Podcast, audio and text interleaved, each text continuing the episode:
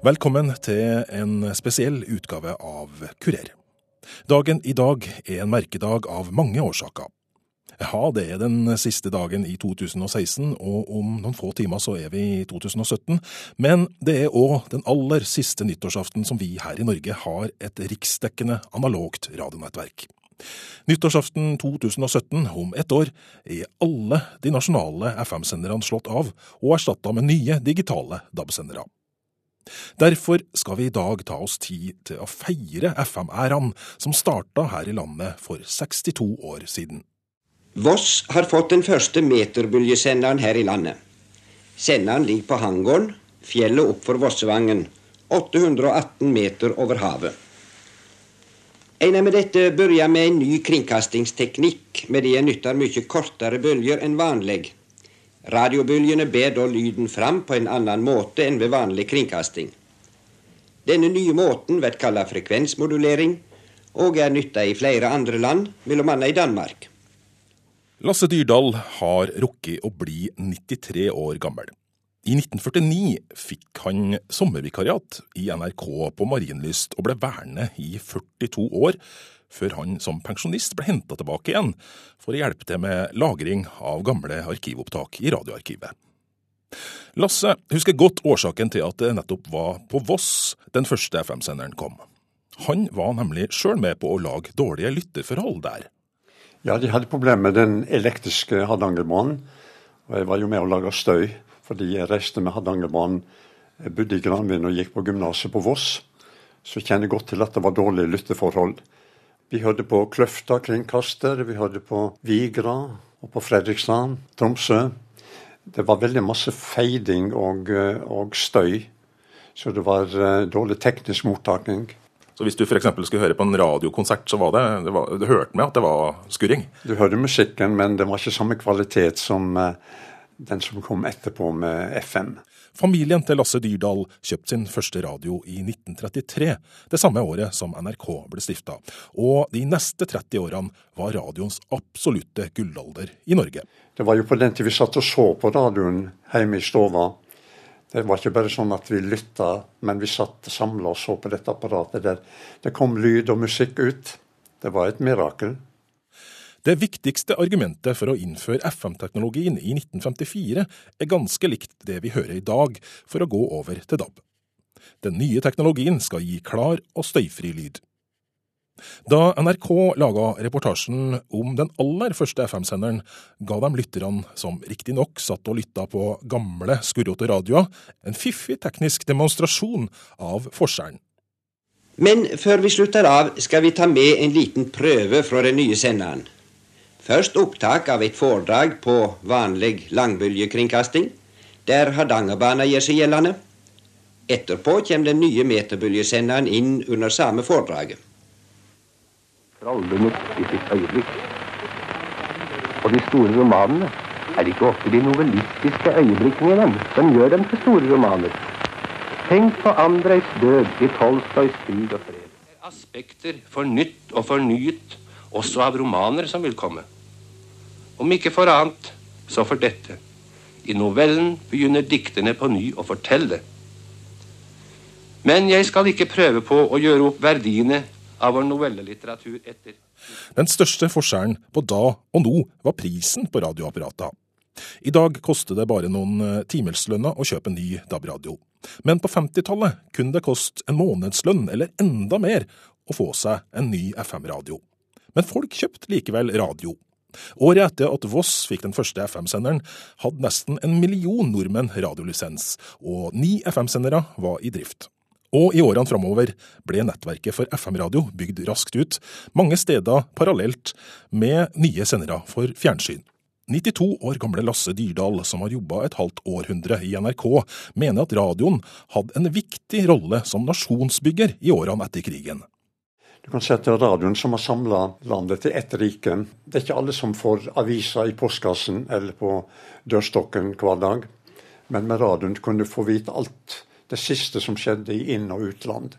Hvis det skjedde et eller annet viktig i Stortinget, så ble det kringkasting. Vi kunne høre på cupfinalen på Ullevål.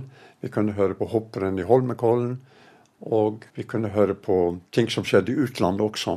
Og du fikk uh, musikk, du fikk uh, teater. Og hvis du hadde lang uh, kirkevei, så kunne du få gudstjeneste på søndag. Så det var informasjon og underholdning, naturligvis. Men hvilke program hørte vi på radio gjennom de 62 årene vi har hatt FM-sendinga her i Norge? Lasse forteller at gatene ofte var folketomme lørdag kveld på 50-tallet pga. radioens gullrekke, som starta klokka seks. Nå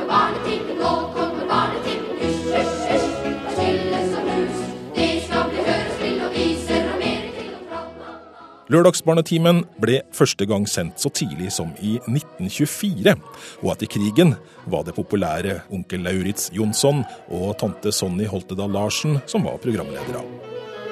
Nå kommer barnetimen, nå kommer barnetimen, hysj, hysj, hysj, stille som hus. Da Lørdagsbarnetimen ble nedlagt i 2010 som verdens eldste radioprogram, hadde programmet fremdeles en halv million lyttere. Problemet var bare at eh, kun 11% av de her lytterne var barn. Nostalgien var det som fikk folk til å flokke seg om programmet. Og det er kanskje ikke så rart, for Lørdagsbarnetimen ga oss mange gode og uerstattelige radiominner. Særlig fra hørespill som Fattiggutten og Prinsen, Tordiulen flyr i skumringen og ikke minst Stumpa og co.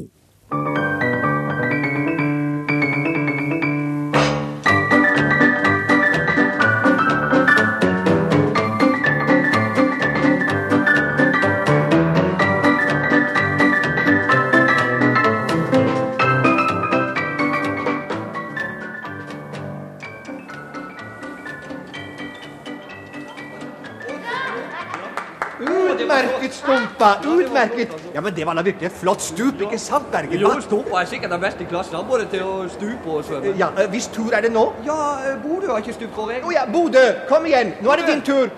Jeg tror ikke jeg vil stupe fra springbrettet akkurat i dag, herr Tørdal. Jeg vil heller trene litt på noen nye svømmetak som jeg holder på med å uteksperimentere. Det er sånn superjetsvømming. ja, det var da svært. Ja, det er noe like merkverdig som de takene du viste meg forrige gang. Da tror jeg det er best at du uteksperimenterer med den andre enden av bassenget på grunt vann. ja, det var akkurat det jeg hadde tenkt meg, herr Tørtal. Ja, men du, se på stumpa nå! Å, se på stumpa! Nå tar han en spurt, altså. Bevare meg vel! Ja, men han skal være ankermann på klasselaget, han kan jeg tenke meg. hva? Ja, akkurat. Ja, for vi skal vinne det der skolemesterskapet ja, på fredag. Ja. Vi har trenet som bare nøkken, altså. Ja, hvilken nøkk? Altså, hvilken etappe skal vi ja, her, her, var det flere kjente stemmer. Ja, det var det. Og vi hørte jo bl.a. lektor Tørdal, som var svært populær. Gisle Straume. Gisle Straume, ja. Var det her uh, hans store rolle? Vel, han hadde vel kanskje større rolle på, på teatret, men dette var en av de rollene han likte aller best. Det han fortalte. Jeg syns han er en, en veldig fin figur i, i dette hørespillet. Og så, når eh, lørdagsbarnetimen var ferdig klokka sju, var det klart for enda mer radioteater.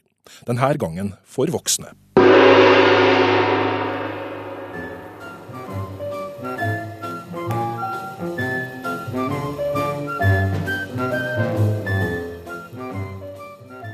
Her ble folk kjent med helter som Dikke Dick Dickens, Knut Gribb og ikke minst God aften. Mitt navn er Cox.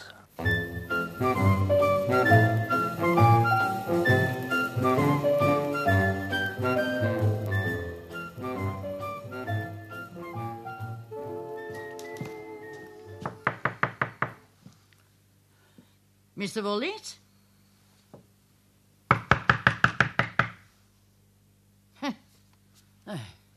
Men Nei, ja.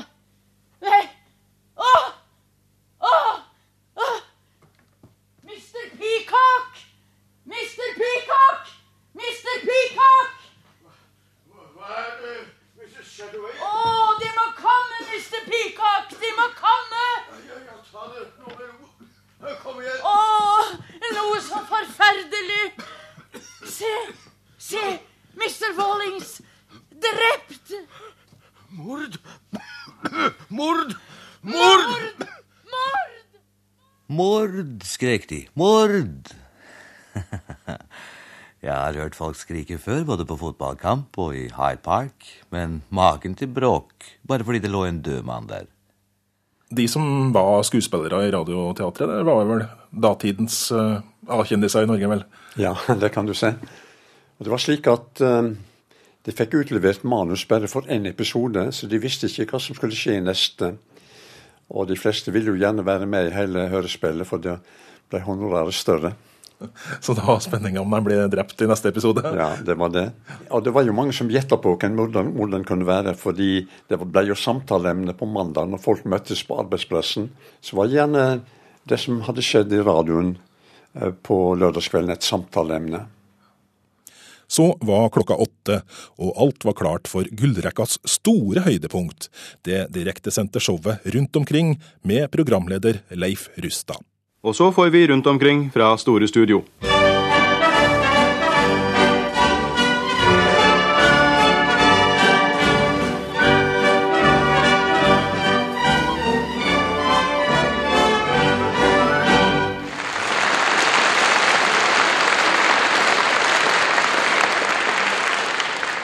God kveld igjen, alle sammen. Vi håper at uh, dere har tid til å ta en liten pust i bakken og slå dere i lag med oss i det siste rundt omkring før jul. Denne gang skal vi love at ingen skal bli beordret til å gjøre verken dette eller hit. Det er jo ennå seks dager igjen til det begynner å lukte ribbe i hus og hytte, og det er ingenting som gjør så godt som en liten pause hvor en kan slappe av og sitte og småglede seg til det som skal komme.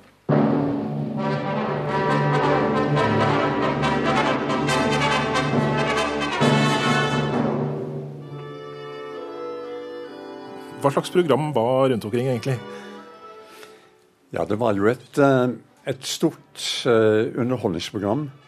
Jeg husker ofte at uh, Rustad møtte medarbeideren sin i messa til en kopp kaffe. Så sa han at vi har ti minutter klart på programmet i kveld, sa han. Det er applaus. Men programmet ble til utover dagen, og det gikk direkte med publikum.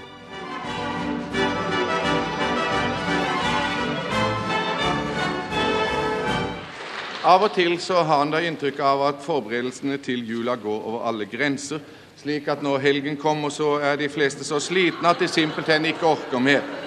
Ja, her kommer vår gode venn Evin Brattbakken. Han har vel også sittet og stri med. Han kunne kanskje fortelle oss litt om det. God kveld, Brattbakken. God kveld. Si meg, Er de ferdig med juleforberedelsene oppe hos dere, eller åssen er det med det? Ja, Berthe er nå helt ferdig. Ja, det. Han spør om hun greier ei jul til. Jeg tror jaden det er mange som stryker meg av denne julestria. jeg.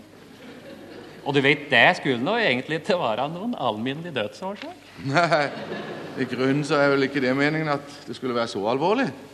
Nei, nei det blir som de møter gamle Klara nede på butikken om dagen. Det, nei, nå er hun død av gamle Olli nå, da, sa Klara. Ja, dette hørte jeg, sa jeg. Men hva var det egentlig hun døde til? Ja, jeg er ikke så stø på det var, jeg, sa men det var visst ikke noe alvorlig. Men folk samla seg ikke bare rundt radioapparatene på lørdagene. På torsdagskveldene underholdt bl.a. radiokjendisen Rolf Kirkvåg med quizprogrammet Det spørs, som ga oss et radioøyeblikk som endte opp i et munnhell i det norske folk. Der røyk pokalen. Skal de gå videre, Ja, da skal jeg ha 20 tilbake, ja. Det er kasserer i alle disse klubbene, skjønner jeg. Ja, Jeg er bare i den ene, men jeg er formann i den andre. Formann i den andre. Her kommer det. Det er det fjerde og det 80 kroner spørsmålet. Hva er en hellebard? Der røyk pokalen. Ja, det var Rolf Kirkvaag som eh, Han var et funn for norsk radiounderholdning. Og han fant også fram til nye programformer, bl.a. spørreprogram. Og dette, Det spørs, det starta i Studio 19, det nest største studio i Kringkastingshuset. Men det ble for lite, for de skulle ha publikum. Og så flyttet de over til store studio. Og det ble også for lite. Så kom de over til uh, Marienlyst skoles aula. Der var det plass til 500. Og de hadde ingen problemer med å fylle hele lokalet. Uh, Kirkvåg han um, fortalte at han tok fram et leksikon og slo opp her og der og laga spørsmål sjøl. Han var jo en sjarmerende og veldig flink programleder. Han hadde denne radiosjarmen som skulle til. Det folk kunne høre på radio var sjølsagt ikke bare underholdning. Helt fra NRK ble stifta i 1933 har Dagsnytt og nyheter vært svært viktig i sendingene. Da den 93 år gamle NRK-veteranen Lasse Dyrdal fikk i utfordring å plukke ut én nyhetssending som hadde gjort inntrykk på han, ville han finne fram en sending fra den 1. oktober 1957. En dag da fikk han se at hele landet hørte på radio. Det var 1. oktober i 1957. Radioen overførte kong Haakons gravferd. Og det var jo et uh, historisk tidsskifte i landet. Det er Halvdan Hegtun som står på Slottsplassen. Og jeg syns han får uh, skildra stemninga, den spesielle stemninga som var i hovedstaden på akkurat på denne dagen. Da landet sto bokstavelig talt stille. Det er kanskje unødvendig å fortelle at filmkameraer og fotografiapparater er i flittig bruk for å forevige bildet av denne sjeldne og vakre prosesjonen. Men det er vel kanskje slik at det bildet som vil virke sterkest, og som vil leve lengst i erindringen, det er vår nye konge, kong Olav, som går der nærmest sin fars båre. Og som folk står her langs ruten nå, så ser de kanskje for seg den lange, lange rekken av andre bilder som uvilkårlig melder seg i tankene. Bilder av disse to sammen. Fra det historiske bildet av den nye unge kongen i 1905 med den hvitkledte lille kronprinsen på armen. Det kan være bilder fra 17. mai-dager, fra Holmenkolldager, fra hverdag og fest opp gjennom årene. Men det er sikkert også bilde av de to som løper mot skogen sammen for å søke dekning en svart aprildag. Eller bilde av far og sønn ved bjørkestammen mot en naken vårskogs mørke. Og til slutt kanskje seierens og triumfens bilde framfor alle andre. Sønnen, forsvarssjefen i Gi vakt for den hjemvendte kongen på Honnørbryggen på den uforglemmeligste av dager, 7. juni 1945. Og så, i dag og nå, føyes det siste bildet inn i denne rekken. Bildet av kongen bak kongens båre. Også etter at eh, fjernsynsnyhetene kom i 1958, fortsatt Dagsnytt å være en viktig kilde for de aller ferskeste nyhetene. På kvelden den 22. november 1963 kun norske radiolyttere høre denne dramatiske meldinga på telefon fra USA. President John F. Kennedy ble skutt i en åpen limousin på vei fra flyplassen og inn til sentrum i Dallas, Texas klokken 12.55, altså like før klokken 19 norsk tid i kveld, og døde vel en halv time etter på et hospital i nærheten. Sammen med ham i bilen var hans hustru Mrs. Jacqueline Kennedy og Texas guvernør John Connelly, som selv ble hardt såret. Skuddet som ble avfyrt mot dem begge, kom fra et vindu i femte eller sjette etasje i et hus langs den ruten presidenten kjørte. Mannen som skjøt, må ha siktet godt på den relativt lange avstanden. President Kennedy ble truffet i hodet og falt bevisstløs ned i fanget til sin frue. Det ble opplyst at det eneste man hørte henne si, var 'oh no'. Ja, denne meldinga her kom tydeligvis da den, på kvelden den 22. november 1963, og hele verden så på TV og hørte på radio. Ja, det viser at radioen eh, kan rapportere ikke bare om de nære ting, men dette skjedde i Dallas. Og det var en fredagskveld, det husker jeg godt. Og det var Per Øysang som var i USA, han var vel ved FN i New York, men det var han som hadde de første meldingene om dette mordet. Og det her eh, spredde jo sjokk over hele verden, egentlig. Ja, det gjorde det. Så det var jo eh, det som eh, sto først på i Dagsnytt-sendingene i flere dager etterpå. Den nye tida med TV forandra også radiovanene våre. Fjernsynet overtok underholdningsrollen på kveldene, og radioens sendinger på formiddagen og ettermiddagen ble mer populære. I februar 1965 kom et helt nytt program i timen mellom ni og ti på formiddagen. Et program som sendes hver ukedag den dag i dag, et program som vi alle kjenner.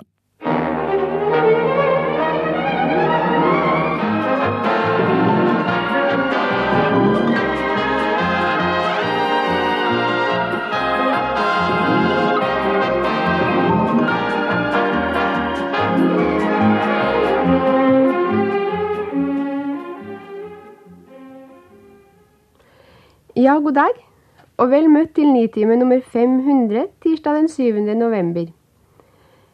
Ja, her sitter jeg, og nå er det ingen vei tilbake. Det var en gang en film som het. Ingen vei tilbake, der melodien The High and the Mighty ble presentert.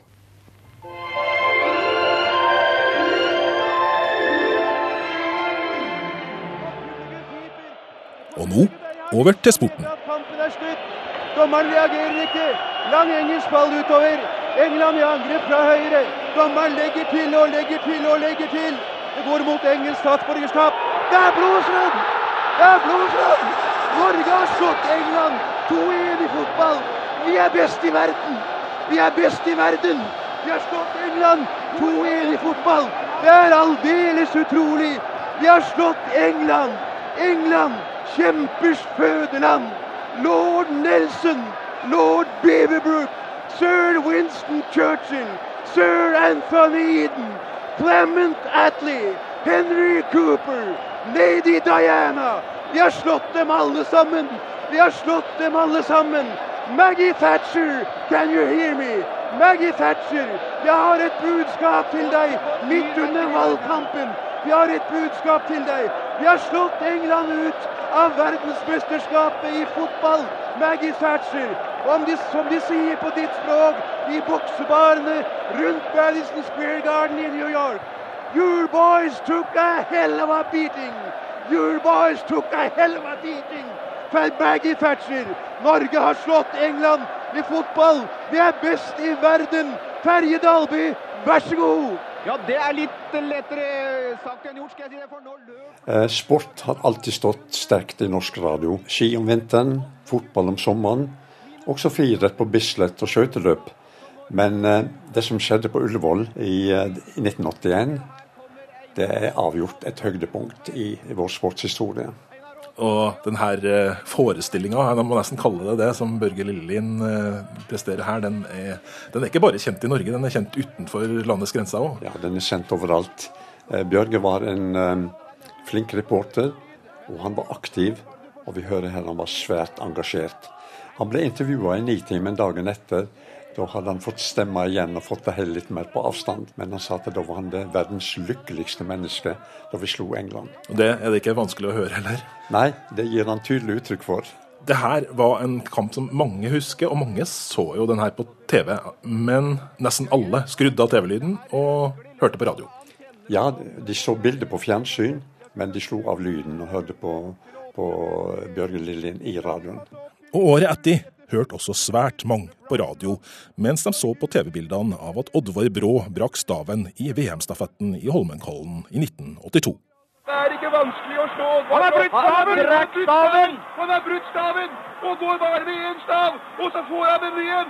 Og så får han den igjen! Ikke fall nå, Oddvar! Han ligger foran Savjala, Så Savialo går opp på siden av igjen. Han brakk staven! Ja, Han brakk akkurat. idet han gikk forbi Savialo. Men så kommer Oddvar tilbake igjen og går fra Savjalov en gang til.